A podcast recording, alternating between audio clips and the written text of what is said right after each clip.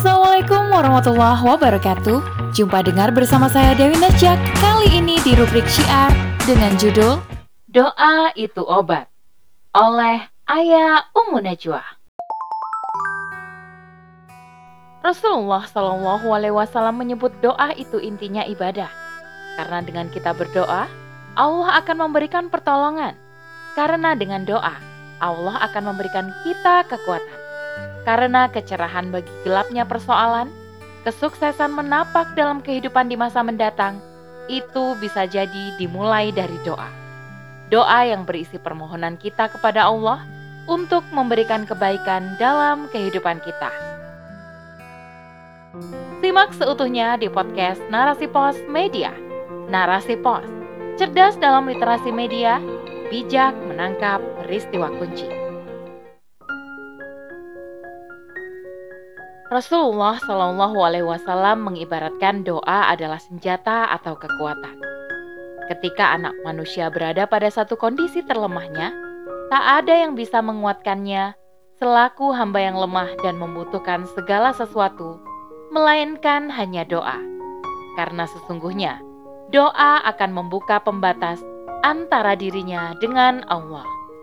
Doa yang ia panjatkan akan menurunkan pertolongan sebagaimana Allah menurunkan hujan untuk membasahi bumi dan siapa pun yang menantikan tetesan hujan itu.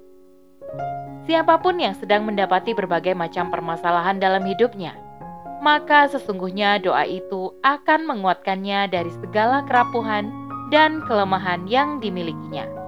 Begitulah yang senantiasa kita teladani dari para nabi dan rasul Bagaimana setiap mereka menjumpai masalah dan ujian dalam kehidupannya, tidak ada yang mereka lakukan kecuali berdoa. Ketika Nabi Yunus mendapati masalah dan terpaksa ditelan oleh ikan besar, maka tidak ada yang membasahi lisan beliau kecuali doa. Sebagaimana firman Allah, "Ya Allah, tidak ada Tuhan selain Engkau, Maha Suci Engkau. Aku benar-benar telah menganiaya diriku sendiri." Dan aku masuk dalam golongan orang yang zalim.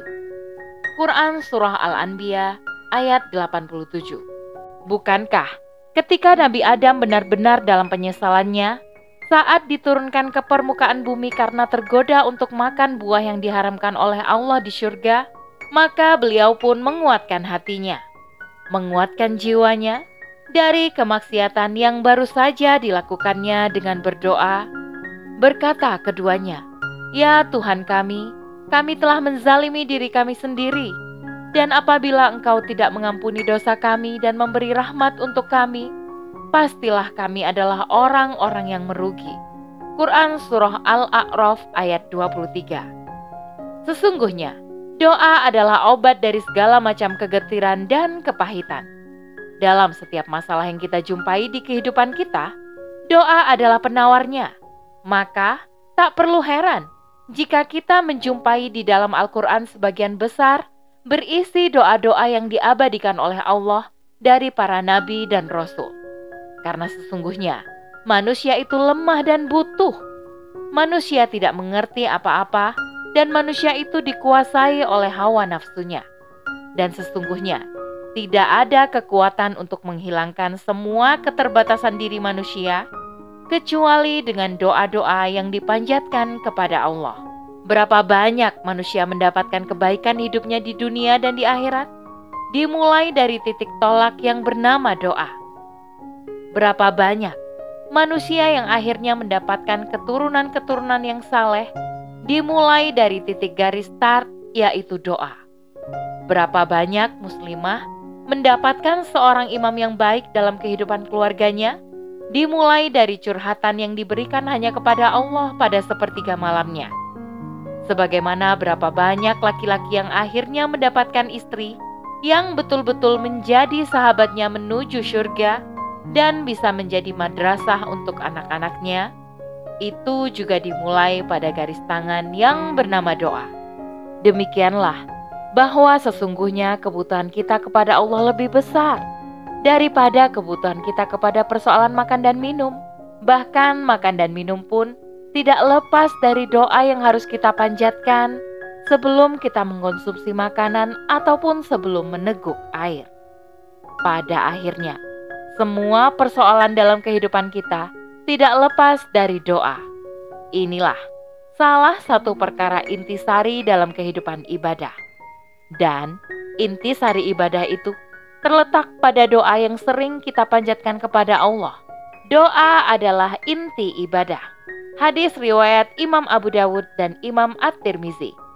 Dan selainnya, hadis ini disyahikan Syekh Albani. Maka setiap ibadah itu mengandung doa atau permohonan. Sebab dalam setiap ketaatan haruslah terdapat permohonan yang mengharapkan pahala. Rasulullah Shallallahu Alaihi Wasallam menyebut doa itu intinya ibadah, karena dengan kita berdoa, Allah akan memberikan pertolongan. Karena dengan doa, Allah akan memberikan kita kekuatan.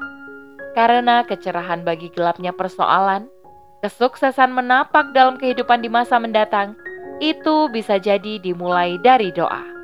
Doa yang berisi permohonan kita kepada Allah untuk memberikan kebaikan dalam kehidupan kita.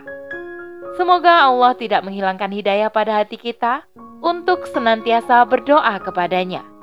Semoga Allah tidak memberikan kepada kita kebosanan dan kepenatan di dalam berdoa, karena sesungguhnya kekuatan doa itu pun terletak pada seringnya kita untuk terus meminta kepada Allah Subhanahu wa Ta'ala. Seorang ulama besar, yaitu Syekh Solih Al-Utsaimin, beliau menyampaikan salah satu kejujuran di dalam doa adalah mereka yang terus meminta. Mereka terus mengetuk pintu langit untuk mengharapkan apa yang mereka inginkan dari sisi Allah. Dan mereka tidak pernah bosan. Dan siapa pun yang tidak pernah bosan mengetuk pintu rahmat Allah dengan doanya, orang yang paling jujur dalam doanya adalah orang yang paling besar persentase doanya dikabulkan. Merenungi apa yang disampaikan oleh Amirul Mukminin Umar bin Khattab bahwasannya beliau mengatakan, "Sesungguhnya aku tidak peduli apakah doaku dikabulkan ataukah tidak, karena yang lebih aku perlukan adalah apakah aku masih diberikan hidayah untuk berdoa kepada Allah ataukah tidak." Selain mempunyai manfaat yang sangat banyak, doa juga merupakan penangkal bala. Doa pun dapat mencegah dan meringankan musibah yang datang dalam hadis yang diriwayatkan oleh Al-Hakim dari Ali bin Abi Thalib radhiyallahu anhu, Rasulullah pernah bersabda, "Sesungguhnya doa itu senjata bagi orang mukmin. Ia adalah tiang agama serta cahaya langit dan bumi." Dalam syariat ada dua jenis istilah yang digunakan untuk menjelaskan kedudukan doa. Pertama, doa masalah atau doa permohonan. Maksudnya, Seorang hamba berdoa kepada Allah dengan ucapan lisannya memohon kepada Allah supaya memperoleh kebaikan yang dia inginkan atau agar terhindar dari suatu keburukan. Pengertian doa inilah yang banyak dipahami oleh kaum muslimin. Kedua, doa ibadah. Maksudnya adalah semua jenis ibadah yang kita kerjakan pada hakikatnya merupakan doa.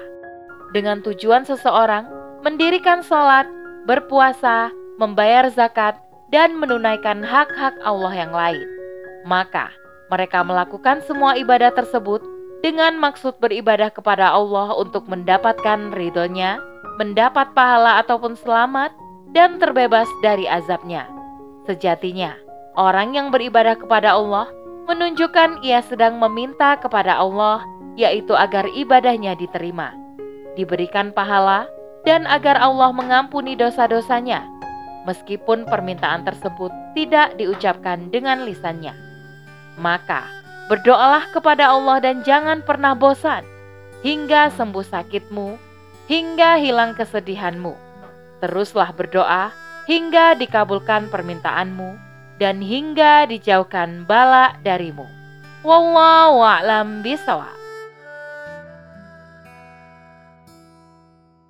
Demikianlah rubrik syiar kali ini. Sampai bertemu di rubrik syiar selanjutnya. Saya Dewi Nasyak undur diri. Assalamualaikum warahmatullahi wabarakatuh.